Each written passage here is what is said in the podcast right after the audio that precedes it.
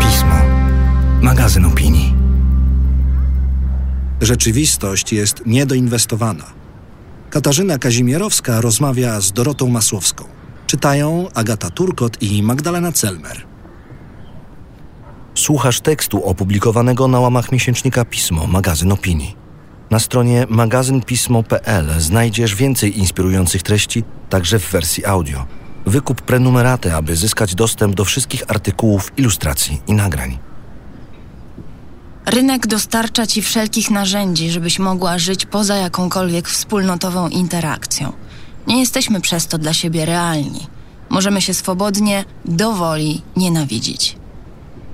Gdybyś nie musiała rozmawiać o swoich książkach, to o czym chciałabyś rozmawiać? Nie wiem, czy w ogóle bym chciała. Konieczność rozmawiania z dziennikarzami jest dla mnie efektem ubocznym twórczości.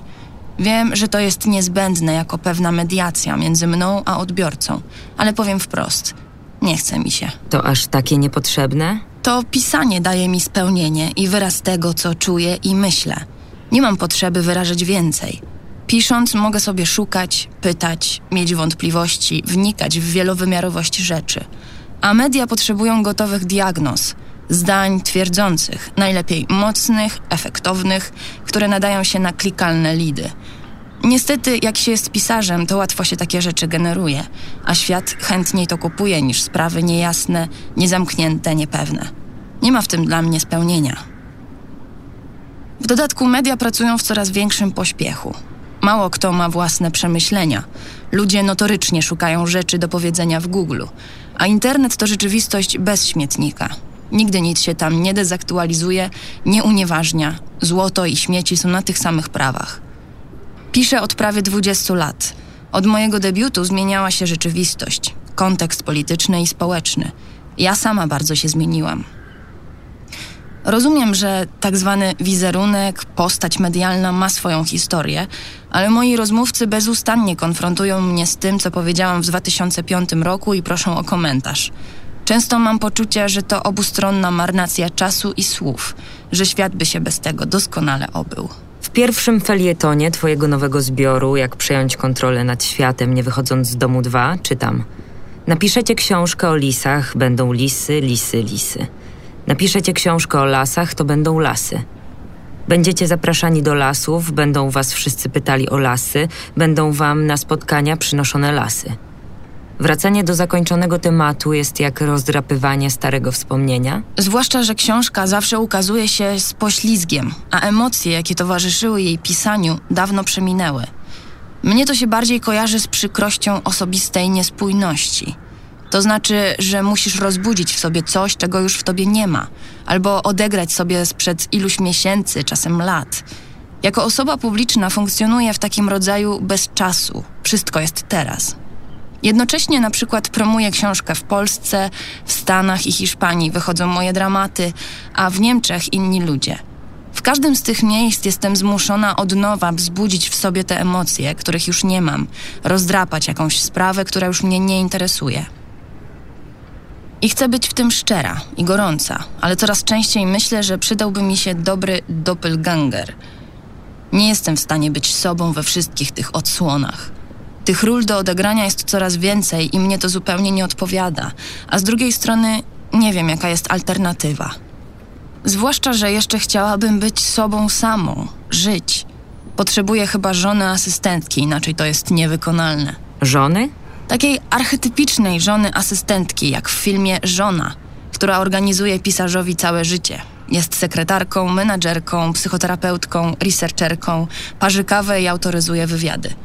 Częściej kobiety godzą się na takie wchłonięcie przez czyjąś karierę, ale bywa przecież odwrotnie. Nie ma w tym nic dziwnego, bo w momencie, kiedy kariera pisarska nabiera tempa, to pochłania bliskich. Nie obsłuży jej jedna osoba, która jeszcze równolegle chce tworzyć, a nie tylko bywać, pozować do zdjęć i odbierać nagrody. Kiedy musisz żonglować swoimi maskami, wychodzić do ludzi i bezustannie stwarzać się względem nich na nowo, nie ma miejsca na twórczość. Stowarzyszenie Unia Literacka, zrzeszające pisarki i pisarzy, proponuje zwolnić machinę produkcji, Wydawać mniej książek, by dać czytelnikom szansę na ich przeczytanie i by każdy autor miał szansę zaistnieć. Może to pomoże. Nie wiem, czy to jest kwestia systemowa. Widzę to raczej jako osobistą decyzję, którą każdy musi podjąć samodzielnie. Można być pisarką lub pisarzem niszowym, niezależnym od wymagań rynku. Można, jeśli ma się zakusy mainstreamowe, poddać się tej machinie ze wszystkimi jej pułapkami, ale za to zarabiać pieniądze i udzielać efektownych wywiadów z fajnymi lidami. To jest do pewnego stopnia twoja negocjacja ze sobą. Ile możesz z siebie dać, jak się czujesz w masce, która prędzej czy później musi się pojawić. Co jest spójne z tobą, a co już nie. Czy wydaje ci się, że pisarz ma obowiązek wobec społeczeństwa? Trzeba by zacząć od definicji pisarki czy pisarza, która w tych przedziwnych czasach strasznie się rozszczelniła. Mówimy o bardzo wielu jakościach, funkcjach, bo ludzie pod hasłem literatura tworzą rzeczy od wysoko artystycznych po stricte użytkowe. Różnie siebie kreują, różnie ustawiają się względem czytelników. I to wszystko jest ciągle pisarstwo. Są tacy, którzy czują rodzaj publicznego ognia, gotowości do zabierania głosu, budowania swojej persony medialnej, a u innych ta potrzeba wyjścia na zewnątrz, upublicznienia się wyczerpuje się już w momencie, kiedy napiszą książkę. Każdy ma taki obowiązek wobec społeczeństwa, jaki czuje. Myślę, że żyjemy w czasach niesamowitego bankructwa, ale też redefinicji autorytetu. I że realnie dziś liczy się głos tych, którzy mają w sobie smykałkę populistyczną. Wracamy tu do tego zapotrzebowania na efektowne zdania, skróty myślowe, które dobrze się klikają, które można przeklejać, inkorporować jako swoje. Wydaje mi się, że pisarze mają szczególną łatwość strzelania takimi rzeczami. To jest przecież ich talent. To bardzo ryzykowne, bo budzi szybki, intensywny poklask. Boję się tego. Z drugiej strony wiele razy spotkałam się z brakiem kontroli nad tym, co powiem bo wydaje mi się, że na przykład mówię w wywiadzie o swojej książce, a potem w gazecie idzie to z lidem zabrano mi ojczyznę, pis to potwory, bo to się klika. Ale masz w sobie odwagę, aby zabierać głos w inny sposób. Choćby nagrywając płytę, społeczeństwo jest niemiłe i występować publicznie, co spotkało się z różnymi reakcjami, także z krytyką. Dlaczego właśnie na takie wystąpienie, w takiej formie się decydujesz? Tak jak mówiłam na początku, w przeciwieństwie do publicystyki, sztuka to dla mnie spełnione pole ekspresji, na którym to ja narzucam warunki. Mogę być głupia, niepewna, mogę się wahać. To jest dla mnie przestrzeń, gdzie mogę być szczera i jestem gotowa za to zapłacić. Wiem, że to zagmatwane. Z jednej strony deklaruję kameralność i prywatność, a z drugiej wciąż ładuję się na scenę w takiej czy innej formie. I tu nie chodzi o to, że ja się nie boję czy nie wstydzę, bo bardzo się boję i wstydzę. Ale wydaje mi się, że jeśli robię coś, o czym wiem, że jest dobre, a uważam, że moja płyta jako akt sztuki jest zajebista, choć oczywiście w sensie technicznym, wokalnym, muzycznym jest bardzo zła, to mi to daje odwagę. Chociaż jestem nieśmiała i nie lubię bycia publicznego, a przez pierwsze 15 lat to było dla mnie niemalże niewykonalne. Wszystko musiałam robić na zgrzytających zębach. A co się zmieniło w tobie czy otoczeniu, że po 15 latach stało się wykonalne? Nie wiem. Zobojętniałam, czy się przyzwyczaiłam. Kiedy po raz pięćsetny wychodzisz na scenę, to po prostu nie sposób ciągle popadać w histerię. To chyba odetchnęłaś z ulgą, kiedy uderzyła w nas pandemia. Tak napisałam w jednym z felietonów. Rzeczywiście moje życie przed pandemią było dość gęste, intensywne, powiedziałabym pazerne, więcej, więcej, więcej. Nie w sensie materialnym, ale sensacyjnym. Ja sama mnożyłam sensacje. Bezustannie jeździłam na spotkania autorskie i premiery, przerzucałam się między państwami i kontynentami, budząc się często nie wiedziałam, gdzie w ogóle jestem. Gdy dzisiaj myślę, dlaczego tak żyłam, to niestety dlatego, że mogłam. Dotarłam do jakiejś granicy wydolności i gdy odwołano mi pierwsze spotkanie, byłam w euforii, że będę miała wolny dzień, że będę mogła zjeść sobie kolację z chłopakiem, zrobić pranie. A jak się okazało, że jest jeszcze jeden wolny dzień, jeszcze tydzień, jeszcze dwa tygodnie, to byłam w niebie. Ale ten okres zbiorczo nazywany pandemią miał bardzo różne oblicza. I moje odczucia ewoluowały od początkowej euforii przez narastającą stagnację po zupełną nudę. A teraz? Teraz zaczęłam się robić nerwowa. Do czego nie chciałabyś wracać? Na co nie czekasz? Okres pandemii jasno mi pokazał, że moja praca mnie nie cieszy, że to jest puste, że kocham tworzyć, a zamiast to robić, jeżdżę i opowiadam, jak tworzę. A teraz, gdy życie powoli zaczyna wracać, nadchodzi chwila konfrontacji. Czy mam odwagę do rezygnacji? Samoograniczenia? Życia tak, jak chcę, a nie tak, jak mi się żyje? Pandemia, której skutkiem przynajmniej przez pewien czas był brak spotkań, kontaktów, tak zwanego wychodzenia do ludzi i świata, stała się odpowiedzią na naszą potrzebę więcej, więcej, więcej? Wydaje mi się, że to jest szansa ogólnospołecznej reedukacji. Oczywiście każdy sobie odrobi te lekcje na ile będzie chciał i mógł, ale ja w tym widzę możliwość zrewidowania straszliwego stylu życia, który bezwiednie i bezrefleksyjnie przyjęliśmy. Daliśmy sobie wmówić, że jakość życia jest w konsumpcji, tej materialnej i tej wrażeniowej, równie intensywnej. W ciuchach i gadżetach, ale i podróżach, ludziach, których też potrafimy pożerać, zaliczać, odhaczać. To jest pewna optyka, w ramach której wydaje nam się, że jakość życia sprowadza się do tego, jak to wszystko będzie wyglądało na Instagramie. Tymczasem to jest pewna subtelna umiejętność, na którą składa się wiele różnych rzeczy – wrażliwość, skupienie, świadomość, jak bardzo wszystko jest ulotne. Dla mnie to było niesamowite, choć nieodkrywcze odkrycie.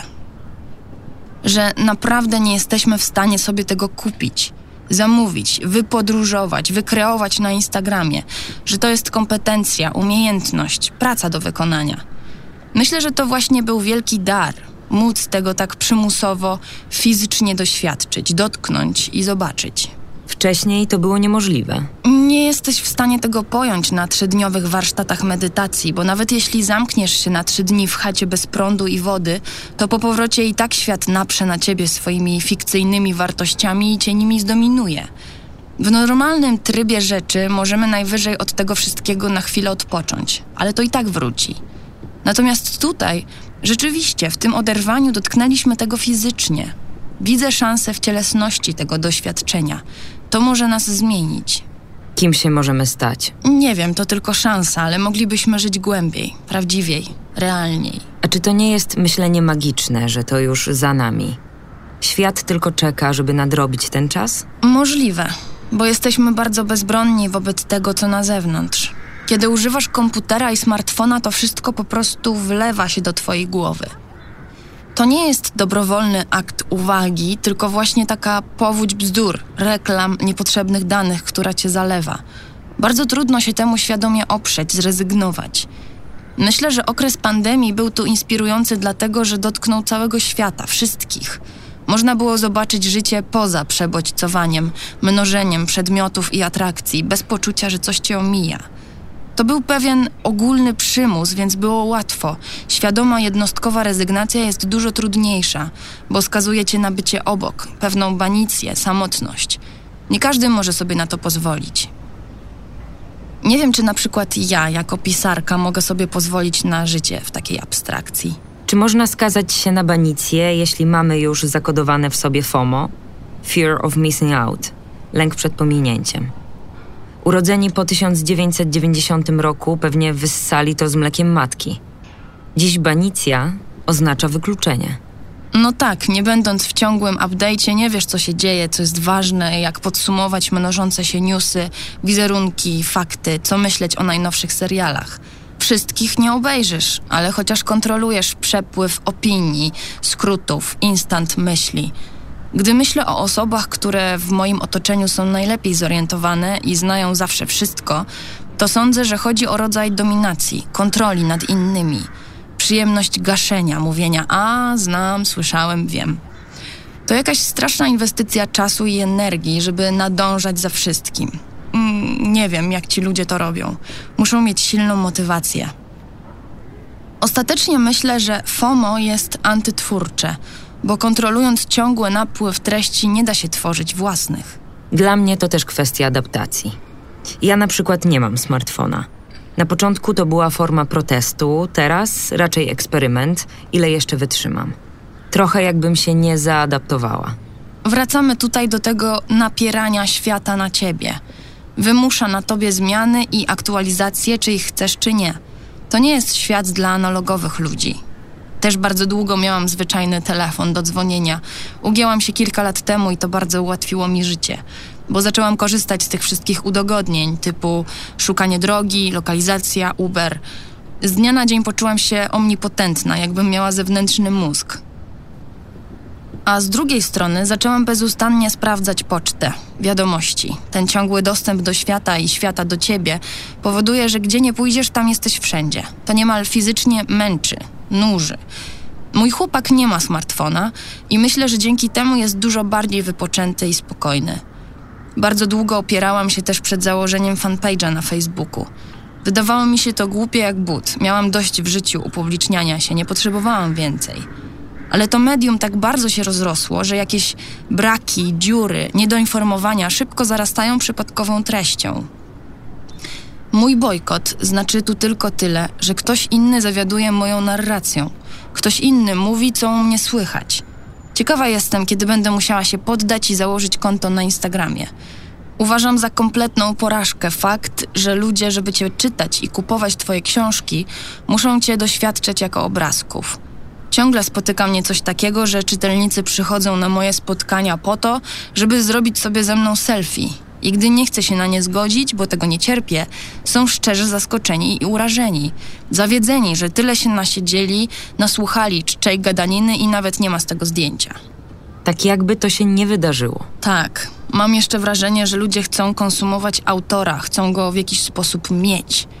Nie do wiary, że literatura, która wydaje się takim introwertycznym, neurotycznym zajęciem, w zapajęczynionym kąciku, stawia nagle przed pisarzami takie nieliterackie wymagania: PR, wizerunek, social media. Nasza rzeczywistość staje się mniej realna od internetowej? Ona jest totalnie niedoinwestowana, zaniechana. Ludzie po prostu nie dbają o jej jakość, bo internetowe fikcje są niepomiernie łatwiejsze i ładniejsze, zwłaszcza te przefiltrowane. W dodatku mamy nad nimi kontrolę, możemy się autokreować, cenzurować i rzeźbić dużo sprawniej niż w rzeczywistości. Ostatnio poznałam pojęcie instagramowej twarzy. To jest twarz idealna, która zawiera elementy różnych ras, ale jest arasowa jednocześnie. To twarz Kim Kardashian. Piękna twarz wszystkich. I każdy chce taką mieć. Wystarczy dobry makijaż albo filtr w smartfonie. To tak jak z klawiszem delete. Zawsze możesz go użyć i skasować to, co nie pasuje. Kontrolować. Interesuje mnie, że te fałszywe wizerunki i autokreacje wypierają prawdę, że są tak niepomiernie atrakcyjniejsze dla publiczności, że ludzie pożądają tych fikcji, kochają się w nich, dyskutują z nimi. Bardzo interesuje mnie to zjawisko ludzi, ba, całych rodzin żyjących na Instagramie i z Instagrama.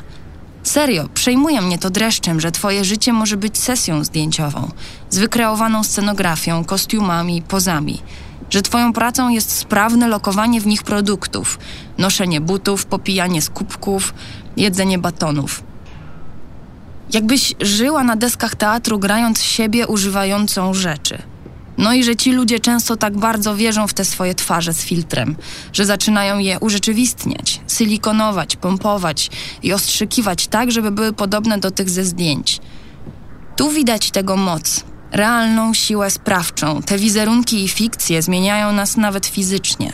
To jest ostatni wymiar zmian, w których uczestniczymy, a ich tempo jest tak duże, że nie sposób gołym okiem do końca zobaczyć rozmiar tej katastrofy. Nie wiem, dokąd to zmierza, ale na pewno jest to krach rzeczywistości. No właśnie. Co dalej?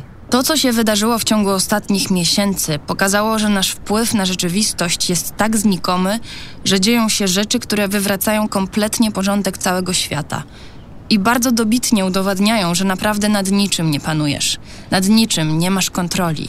A wszystkie twoje mrówcze starania, typu nieużywanie siatek plastikowych, są o tyle piękne, co zabawne. Może to nie wybrzmi po ostatnich wyborach, ale czy naprawdę masz poczucie, że nie mamy nad niczym kontroli, a jedynie chęć, by ją mieć? Napisałaś w poście na Facebooku: Chciałabym, by w poniedziałek Andrzej Duda, jego samozakneblowana żona i jego śmierdząca wódą i kiełbasą karta rodziny, kwestionowanie katastrofy klimatycznej i desperacki przedwyborczy buziaczek posłany antyszczepionkowcom były już tylko nieostrym cieniem mgły, naszym wspólnym złym snem. Jeśli ktokolwiek się waha, Jeśli komukolwiek się nie chce, to nie w tę niedzielę. To są wybory cywilizacyjne, wybory totalne. Wciąż mamy szansę wymanewrować, być wystarczająco dobrym krajem, w którym chce się żyć i pracować, a nie kseno i homofobicznym, błędnym, samozatapiającym się lądem. Rafał Trzaskowski musi wygrać. Nie tylko dlatego, że jest mądrzejszy i ładniejszy. Głosujcie. Ludzie zagłosowali. Wielu poczuło w sobie moc sprawczą. Z przyczyn, o których mówiłam wcześniej, czyli nadmiernej łatwości formułowania efektownych sądów, unikam tego. Ale w tych wyborach miałam poczucie, że walczymy o wszystko. Że jeśli choć jedna osoba więcej pójdzie dzięki moim słowom na wybory, to warto. Na moim koncie momentalnie zaroiło się od troli, takich szczerych troli, co po prostu nieortograficznie się pieklą na tematy polityczne, ale też takich troli przemysłowych, ściekowych, fekalno-analnych, co na oślep mieszają cię z głównym w obronie niepokalanej czci pana Andrzeja Dudy. To było dość ciekawe, ale też bardzo nieciekawe. Masz poczucie, że tworzy się wielka historia, porównywalna do tej, jakiej doświadczyło pokolenie naszych dziadków? Może nawet większa? Na naszych oczach trwa realna, bezprecedensowa katastrofa ekologiczna, biologiczna, ale jakoś potrafimy tego nie widzieć, nie wierzyć w to. Ciekawa jest już sama emocja związana z kompletnym nieogarnianiem technologii, z której na co dzień korzystamy. To znaczy, że my tak bardzo nie rozumiemy już tych urządzeń, które dyktują rytm naszej codzienności. Kompletnie nie wiemy, jak one działają. Nie zdajemy sobie sprawy z niebezpieczeństw zaklętych w najbardziej oczywistych przedmiotach, które trzymamy w rękach. Dostęp do tej wiedzy mają wysoce wykwalifikowani specjaliści. Ogarnianie przeciętnego człowieka nawet tego nie muska.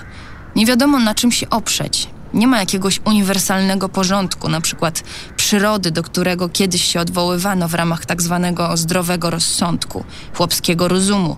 Nie ma już pór roku, znikają owady. Zniszczenie, jakie swoją działalnością zafundowaliśmy naturze, wywróciło go na nicę. A czego ty się chwytasz? Właściwie niczego. Tego, że z jakiegoś powodu żyję właśnie teraz, uczestniczę w tym momencie historii świata, doświadczam tej bezradności, tego braku wpływu. To wszystko brzmi, jakby nam bardzo brakowało poczucia bezpieczeństwa. To mi się wydaje super interesujące, że funkcjonujemy w takiej kompletnej ciemności. Interesuje mnie to nasze, często nieuświadomione zagubienie, indolencja, bezradność. To tu się zaczyna jakaś totalna mizeria naszej kondycji. Mówisz o tym wielka historia. Dla mnie to jest koniec i początek nowego świata, olbrzymie przekształcenie, w którego epicentrum jesteśmy. Na pewno tempo tych zmian jest bezprecedensowe. Tylko jak do tego się ma literatura? Taka jak moja, która na przykład tropi język. Nie mam pojęcia, czy nasz język, który ma bardzo ślimacze tempo zmian względem rzeczywistości i musi nadrabiać absurdalną ilością komputeryzmów, anglojęzycznych wtrętów, bo nie jest w stanie sam wytworzyć mechanizmów, które by obsłużyły mnogość nowych zjawisk. Za tym po prostu nadąża. Język nie nadąża, a technologia nas prześciga. W rzeczywistości internetowej nie trzeba mówić, wystarczy klikać. Tak, nie, like, kupuję. To daje możliwość funkcjonowania bez myślenia i czucia. Jest nas za dużo, ale ciągle przydajemy się jako konsumenci przedmiotów i treści. Poza tym możemy nie istnieć. Dziś łatwo nie być, zwłaszcza w naszym kraju, bo może się za niego wstydzimy, może wstydzimy się za innych. Tak jak w Twoich książkach. Bohaterowie wstydzą się siebie, swoich najbliższych, albo tego, co ich kraj z nimi robi. I ten wstyd jest ich siłą napędową. To jest temat rzeka. Wiele lat przerabiałam w swojej twórczości to transgeneracyjne poczucie wstydu i ciągle, mimo 2020 roku, uwikłanie w historię. Jakbyśmy odziedziczyli gen gorszości. Do tego dochodzi ten nasz niedorozwinięty kapitalizm, naklejony na przetrąconą historią mentalność, która z nim wchodzi w bardzo dziwny dysonans. Scheda po wojnie, po komunizmie, podświadome marzenie o tym, żeby wszyscy mieli porówno, żeby nie było lepszych i gorszych, a jednocześnie, żeby mieć więcej, żeby być lepszym, a inni, żeby byli gorsi. To jest mnóstwo paradoksów. Nienawiść do bogatych i kult bogatych. Także kult ludzi sprytnych, którzy potrafią sobie wszystko załatwić i nienawiść do nich, bo sobie załatwili. Do tego dochodzi katolicyzm, w sensie kulturowym, bo nawet jeśli nie jesteś katoliczką, to jest to zestaw wyobrażeń, który przynależy do naszej mentalności. I rodząc się tu, dostajesz go w pakiecie. Jebać biedę, ale też kult biednych, jako tych jedynych dobrych, którzy wejdą do Królestwa Niebieskiego. Wyciąga się ich frustrację jako polityczny potencjał i w końcu wyrzuca do śmieci i zapomina. To wszystko jest w języku, którym mówimy, a raczej który mówi nami. No tak. Nie ulepszymy się jako społeczeństwo, nie nałożymy Polsce instagramowej twarzy. Myślę, że naprawdę w tych ostatnich kilku dekadach, czasie największych ekonomicznych przekształceń, nie zadbano o wspólnotę. Tego teraz strasznie brakuje, nawet na poziomie pożycz szklankę cukru. Ludzie za tym strasznie tęsknią, potrzebują tego niemal biologicznie, ale w tych warunkach to już nie do odtworzenia. Jesteśmy coraz bardziej od siebie niezależni, a rynek to chętnie obsługuje. Dostarcza ci wszelkich narzędzi, żebyś mogła żyć poza jakąkolwiek wspólnotową interakcją. Przez to nie jesteśmy dla siebie realni. Możemy się swobodnie, dowoli nienawidzić. Coś zostało zaniedbane i chyba jest niemożliwe do reanimowania w momencie, kiedy ogólnospołeczny konflikt jest już w tak zaawansowanym stadium. Żal ci? Myślę, że to poczucie bycia częścią wspólnoty jest bardzo pierwotną potrzebą, a media społecznościowe dają tego ułudę. Ale to wszystko bańki. W sensie swojej endemiczności i również w sensie nietrwałości, złudności. Bardzo to było widać w pierwszym okresie pandemii, kiedy wszyscy upajali się różnymi działaniami wspólnotowymi, które potem oczywiście rozeszły się po kościach. To nie jest takie proste do zrobienia. Nie wystarczy po prostu chwilowy kryzys, żeby to się jakoś reanimowało. Powiedziałaś kiedyś, że chciałabyś mieć ojczyznę, że to jest elementarne prawo. Nadal tak myślisz? Czy może faktycznie uznałaś, że można zagrzebać się w języku, że to on może być ojczyzną? Ale ja nie wiem, czy to też nie jest złudzenie zrodzone jeszcze w tamtym świecie, w którym wakacje spędzasz w Toskanii, wrzesień w Grecji i tak dalej. W moim zawodzie ludzie często prowadzą taki tryb życia, że mieszkają po prostu wszędzie. I wtedy powiedzenie, że mieszkasz w języku, bo to on jest twoją tożsamością, jest jak najbardziej uzasadnione. Ja też tak trochę żyłam. Nie cierpię mówić o ojczyźnie, ale chciałabym mieć ojczyznę, bo tu się urodziłam. Stąd wynika moje ciało, z jakiegoś powodu tutaj jestem. I nie wiem, dlaczego miałabym szukać sobie innego miejsca na ziemi. Dlaczego nie mogę tutaj żyć? Z drugiej strony sytuacja polityczna sprzyja takiej mentalnej emigracji. Po prostu Polska pod rządami PiS to nie jest mój kraj. To mocne słowa. To nie są wartości, w jakich chcę żyć, ani w jakich chcę, by żyło moje dziecko.